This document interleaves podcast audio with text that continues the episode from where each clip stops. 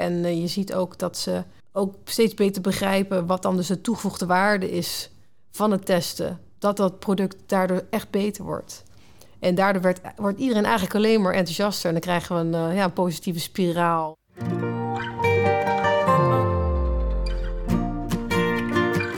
Welkom bij onze podcast, Expeditie Application Services. In deze podcast gaan we op reis langs onze 28 clusters. We ontmoeten gepassioneerde experts en praten over hun succesverhalen, uitdagingen, trends en toekomstvisies. Mijn naam is Eva Helwig en ga lekker zitten, relax en geniet van deze reis.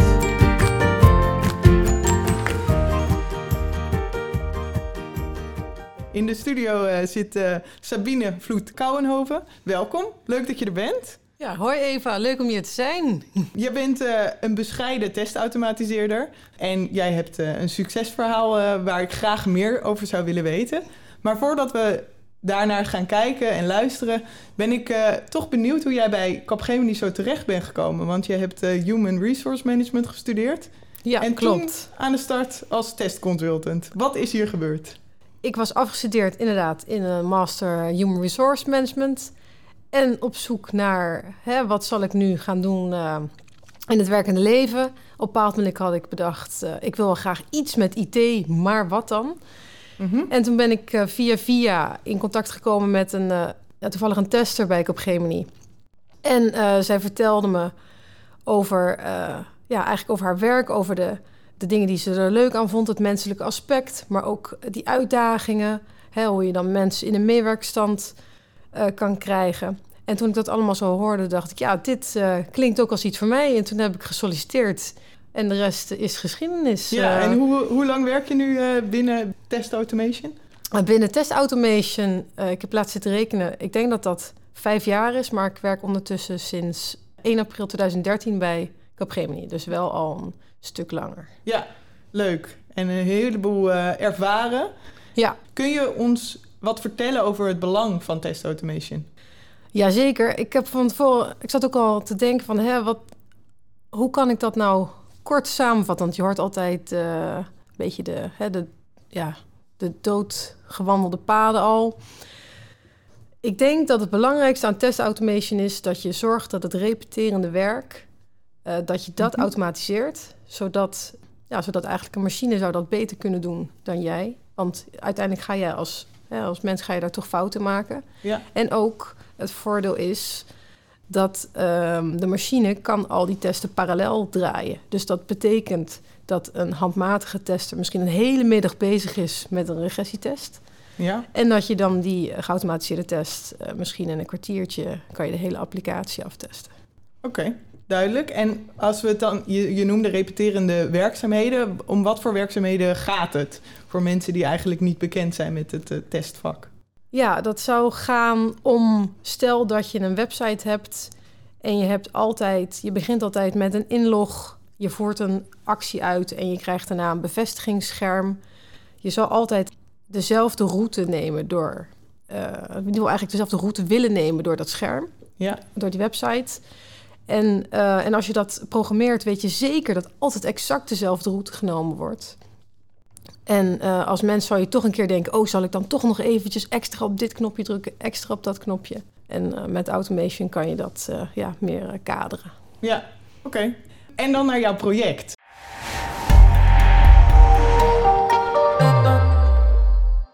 Waar ik leuke verhalen over heb gehoord. Kan jij ons meenemen in de start toen je daar begon? Ja, op mijn project, toen ik daar kwam, stond er al iets met automatisering. Um, er, was, er werd vooral handmatig getest.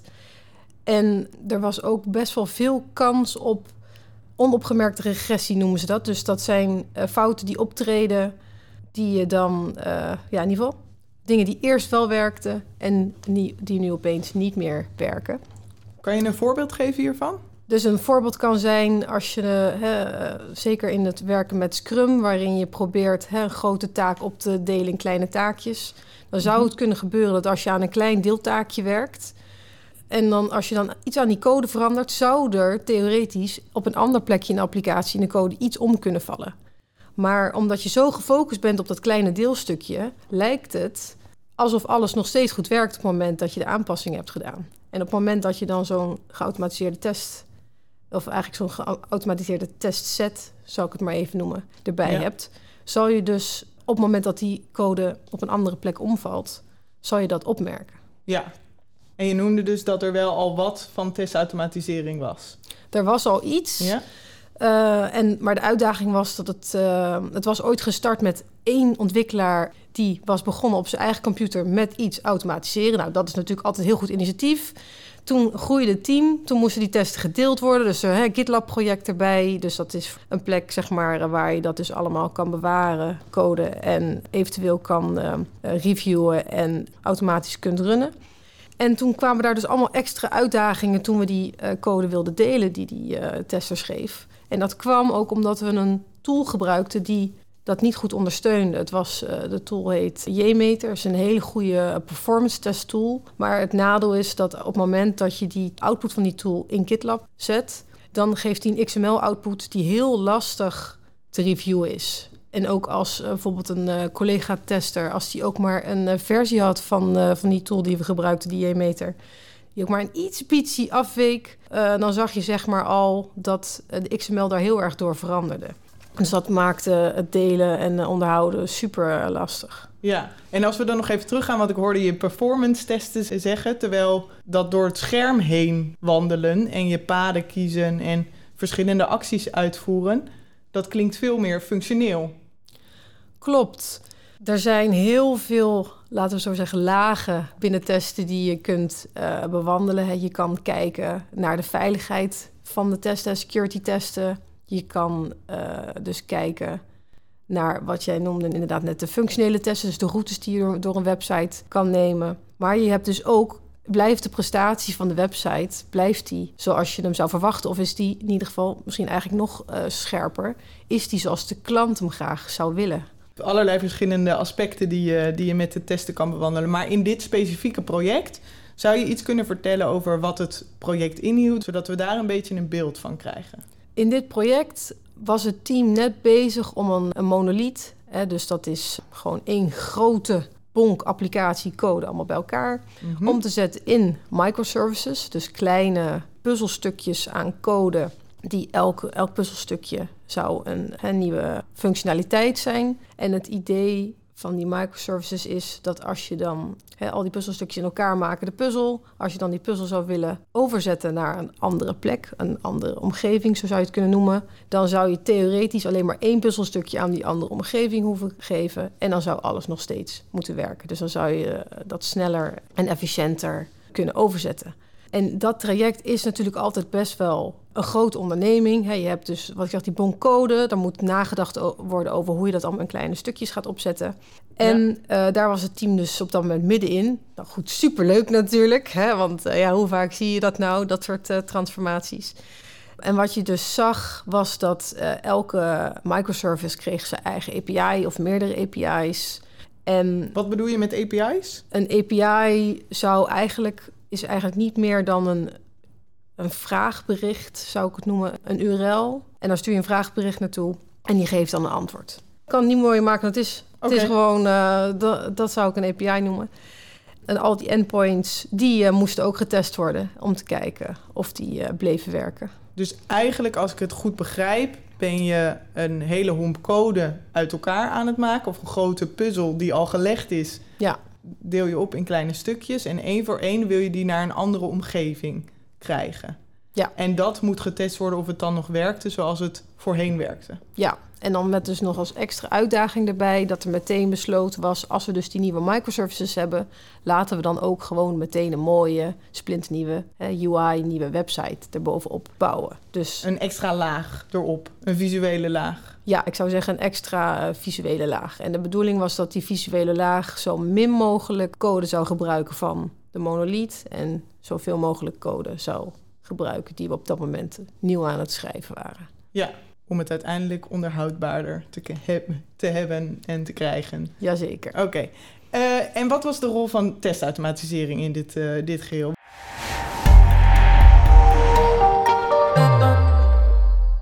Wanneer ging je wat doen?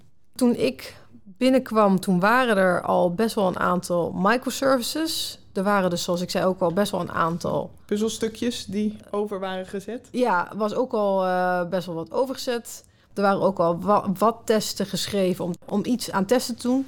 Maar het draaide nog niet geautomatiseerd. Dus dat betekende eigenlijk dat elke test nog steeds handmatig afgetrapt moest worden. Mm -hmm. En dat betekent dus ook dat als je dus eigenlijk een semi-geautomatiseerde test aan het doen bent... in plaats van een geautomatiseerde test, zoals ik dat dan zou zien. Want die testen stonden wel ergens en je kon ze aftrappen op je laptop. Ja, op je laptop. Alleen het moest allemaal wel één voor één. En niet in één keer dat je denkt, nou, ik run het is s'nachts en ik ga naar bed. Ja, precies. je, de volgende je moest erbij blijven. Wordt. Dus je hoeft het niet handmatig uit te voeren en daarmee verlies je dus niet... Of heb je minder kans op die menselijke fouten. Maar het duurt alsnog, ja, je bent erbij en je moet, uh, moet andere dingen doen. Ja, Oké, en je, je noemde al uh, de tool die je toen gebruikte. Ik heb begrepen dat je een hele andere tool bent, uh, bent gaan gebruiken. Kun je, kun je daar iets over vertellen? Jazeker, dus op het moment dat we... We hebben geprobeerd alles hè, uit die tool die we hadden te halen. Dus ik, ja goed, er is helaas denk ik geen tijd voor deze podcast. Maar als mensen geïnteresseerd zijn, bel me vooral daarover. Uiteindelijk heb ik besloten dat er een uh, nieuw framework moest komen om te zorgen dat die testen ja, wat we dus al vaker noemen, het blijft een beetje een uh, trend, zeg maar, in dit gesprek. Dus dat het onderhoudbaar blijft, dat het kunnen delen, dat je kan reviewen en dat je het dus ook kan aftrappen, s s'nachts bij voorkeur. En hiervoor heb ik hulp ingeroepen van een collega en samen hebben wij dat framework gemaakt. En dat was natuurlijk ook ja, gewoon een dik pret, want we hebben gekeken van welke tools stoppen we in dat framework. We hebben bijvoorbeeld gekozen het grootste deel van het team waarin we werkten uh, waren Java-ontwikkelaars. Ja. Dus we hebben gekozen voor tooling die aansluit bij Java, zodat als het nodig is, alvast met het eigenlijk hè, met het Scrum-principe of niet de T-shape in, uh, in het achterhoofd. Hè, dus de T-shape is dat je dus niet alleen binnen je eigen vakgebied blijft, maar als het nodig is, dat je dus ook een beetje daarbuiten jezelf zal uh, begeven. Wat we steeds vaker zien in de agile teams natuurlijk. Precies dat, hè, dat eventueel dat alle um, backend-ontwikkelaars... dat die ons ook zouden kunnen helpen met het automatiseren. Was dat een hele bewuste keuze? Ja, dat was een hele bewuste keuze. Want op dat moment, je ziet gewoon heel vaak... dat ook al proberen we als teams goed agile te werken... dat er toch dat waterval is gewoon hardnekkig. Ontwikkelaars bouwen, en dan gaan testers testen. En daar wil ik eigenlijk gewoon vanaf. Het zou gewoon veel efficiënter zijn als de testautomatisering, als dat parallel kan gebeuren met het ontwikkelen van de code. Iedereen is tegelijkertijd klaar. En dan kijk je of het matcht. En dan kan je door. Oké. Zijn er naast die keuze voor, voor Java nog andere keuzes die je hebt moeten maken? Jazeker. Um, we hebben meteen, want zoals ik noemde, in eerste instantie hadden we ons gericht op de, op de API-testen. Maar omdat er ook een nieuwe website, hè, dus die nieuwe UI gebouwd werd, hebben we het framework alvast voorbereid op het eventueel automatiseren van die UI. Dat is de user interface. Ja, dus de, de user interface, dus zeg maar de, de website die de eindgebruiker zal zien. We hebben gekozen voor Selenium, omdat dat goed praat met Java. Ja. In plaats van een andere tool. Uh, in dit geval is dat dan Protractor. Die eigenlijk veel beter past bij de uh, code waarin de website geschreven is. En uh, dat hebben we gedaan omdat het grootste deel van ons team backup-ontwikkelaars is en die ons dus wel zouden kunnen helpen met scripts die eventueel in Java geschreven zijn, maar niet zouden kunnen helpen of minder goed zouden kunnen helpen met Protractor die JavaScript gebruikt. Ah, dus je hebt heel erg gekeken naar welke, welk, ja, wat kan ons team hebben we de kennis binnen ons team of moeten we dan andere mensen binnen gaan vliegen? En omdat je dat dan niet wil, dat je kiest voor, oh hey, Selenium, daarmee zouden ze kunnen werken. Ja, dat klopt. Oké. Ehm, andere keuzes. Zijn er, zijn er, want dit, dit zijn twee keuzes. Ja. En ik neem aan dat er nou ja, met testen zoveel keuzes gemaakt kunnen worden. Ja, klopt. De, we hebben, ja, ik kan, hè, hoeveel tijd hebben we? maar e, een van de andere keuzes is bijvoorbeeld ook om um, alle code, of eigenlijk zeg maar alle tools die we in het framework wilden hebben, om dat bij elkaar te houden in één GitLab-project. En dat is vooral zodat het duidelijk was voor iedereen dat er één plek was. Daar was alles te vinden. je zou namelijk ook mooie, mooie dingen kunnen doen met bijvoorbeeld gekozen, ook specifiek komen we weer bij keuzes, voor een cucumber uh, laag. Cucumber zelf doet eigenlijk niet zoveel. Cucumber geeft de gherkin language aan. Dus dat is alleen, voorbeeldje, in ieder geval is alleen zeg maar, gegeven als dan. Dus een voorbeeldje zou zijn, gegeven dat ik ingelogd ben op de website. Als ik op het uh, startknopje druk, dan is mijn actie uitgevoerd. Meer dan dat is het niet. Maar we hebben er bewust voor gekozen om die Cucumber wel in het project te implementeren, zowel voor de API-testen als voor de front-end testen zodat de klant, de business, zou begrijpen wat voor testen we uitgevoerd hadden. En, en Voor hen zou het leesbaar zijn, begrijpelijk, als ze ja, precies. Een, rapport zien. Ja, precies. En uh, ja, precies dat er dus een rapportage bij zit die zij zouden kunnen bekijken en eventueel feedback kunnen geven van we zouden graag dit nog getest willen hebben. Of oh, wat goed dat jullie dit testen. Dus dat we daar feedback bij hun kunnen ophalen. En daardoor hebben we dus ook een technische keuze gemaakt om de Cucumber code in het framework, om daar een module van te maken. Maar zoals de ontwikkelaars die nu meehelpen aan het project, dus dat is wel al, we skippen wel een beetje naar het fast forward naar het uh, succesverhaal. Maar die geven dus aan van ja, de framework is best wel technisch complex opgezet, omdat we zoveel verschillende dingen erin gestopt hebben. Dus, maar dat zijn dus ook wel uh, keuzes die we, dus ook technische keuzes die we bewust gemaakt hebben daarin. Ja, en je, je noemde net al de fast forward naar hoe het nu is. Als je nu terugkijkt op wat er in die periode is gebeurd, besloten om een andere tool te gaan gebruiken, die in elkaar te zetten en die staat nu. Wat maakt het tot een succes?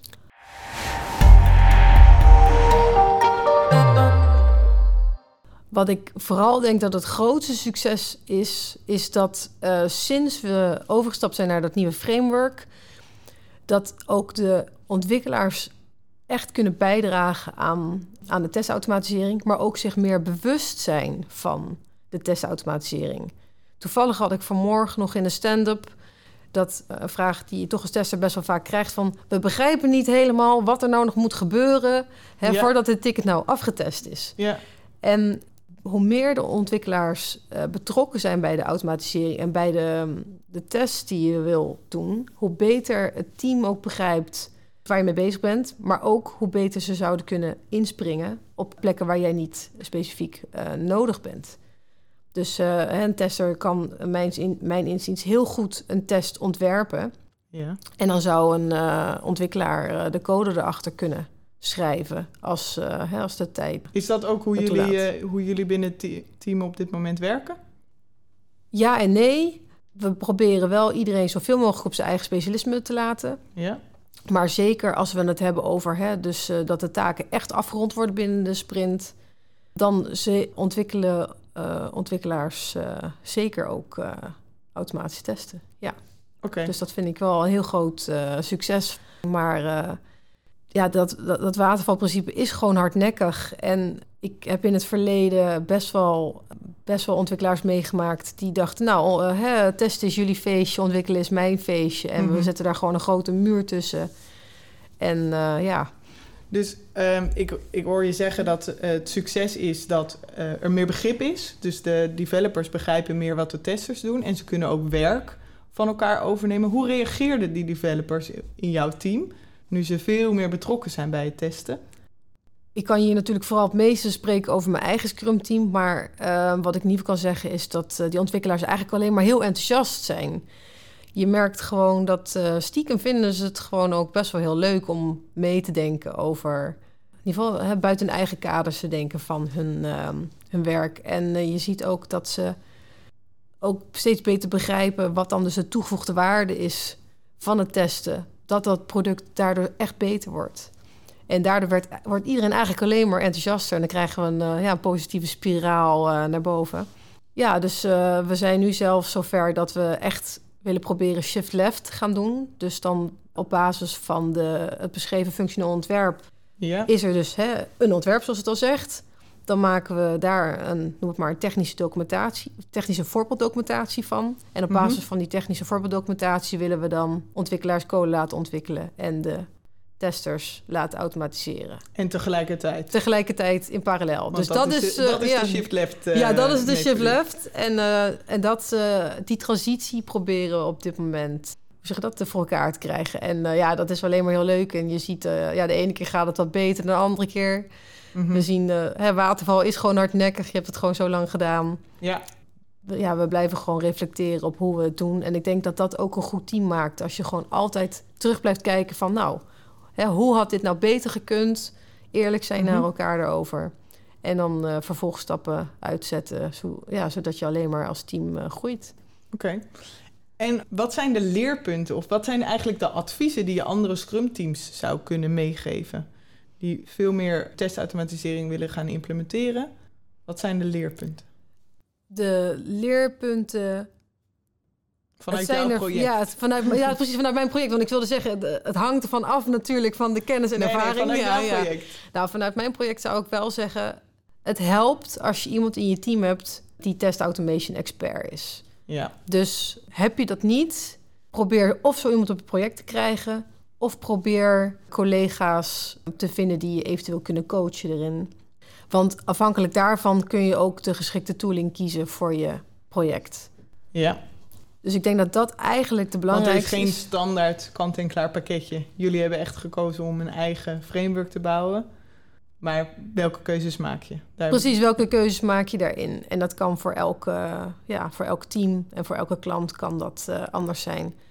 Het tweede eh, advies dat ik zou willen geven is... verwacht ook niet dat als jij een goede testautomatisering, testautomatiseringssuite hebt... dat iedereen dat dan meteen gaat gebruiken. Hè, het is altijd, stap 1 is, je hebt zoiets. Stap 2 wordt, je vult het met test. En dan wordt Mhm. stap 3, dat is eigenlijk de moeilijkste... onderhouden, zorg dat het up-to-date blijft en aanvullen. En hoe lukte jullie dat dan? En, en dat is eh, stap drie, kan je alleen maar met hulp van je team. Ofwel probeer een, een soort testteam om je heen te verzamelen op je project. Dat er mensen zijn die eraan werken. Maar het mooiste is natuurlijk dat eigenlijk alle disciplines binnen je team eraan werken om het eh, bij te houden. Ja, we zijn eigenlijk bijna aan het einde van de podcast. De tijd gaat Jammer, snel. jammer. Ja. Hè? Zijn we net lekker eh, op dreef. Als laatste wilde ik nog vragen hoe jij de toekomst van test automation ziet. Wat zou je graag willen? Ja, hier hebben wij het natuurlijk al een keer over gehad. Wat ik graag zou willen, is dat testautomatisering, eh, noem het eigenlijk maar het, het vakgebied testautomatisering, wat inclusiever wordt. Als ik eh, kijk naar evenementen die georganiseerd worden en de sprekers voor die evenementen, dan zijn het vaak, dat klinkt altijd een beetje, ja, een beetje jammer, maar het zijn vaak blanke mannen.